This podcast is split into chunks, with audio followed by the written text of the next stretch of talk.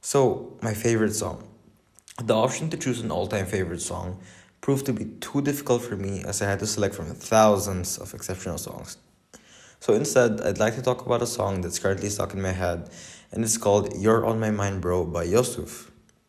So, quick backstory before we go any further. Um, I've been going to the gym consistently for the past three months, and exercising is no easy task as I've experienced. One day, during one of my training sessions, I think that was two months ago or a month ago, I stumbled upon Yosuf. One of his songs got recommended to me in Spotify, and so I checked out his Insta out of curiosity. He seemed to be a hardstyle music producer who specializes in remixes, which came as no shock as he himself is a gym goer and probably listens to the same genre of music as me. Um, so after stalking his profile in the middle of the gym, drenched in sweat, I played one of his songs. Uh, the song that played was the one I mentioned in the beginning. Uh, so after that training session, I got a bit curious. Uh, I tried to find out the original song and I discovered that the remix is based off of a song that is called Unlock It by Charli XCX.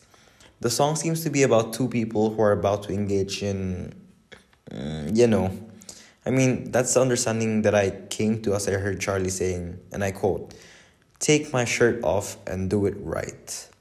Mm. So it's actually quite ironic considering the fact that I prefer the remix over the original. Yusuf's touch to the song just adds a boost of energy needed for the gym. The hard drum beats in the background, the high BPM, the catchy spread of vocals, everything just gives a solid experience perfect for during an exercise or for a personal record.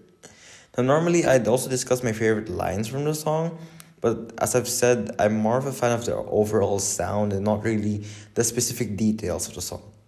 Additionally, I've also already said that I didn't really like the original song, so I see no real point in discussing my favorite line when it doesn't exist.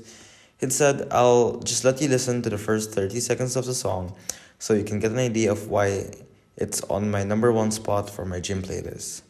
Enjoy and turn the volume down.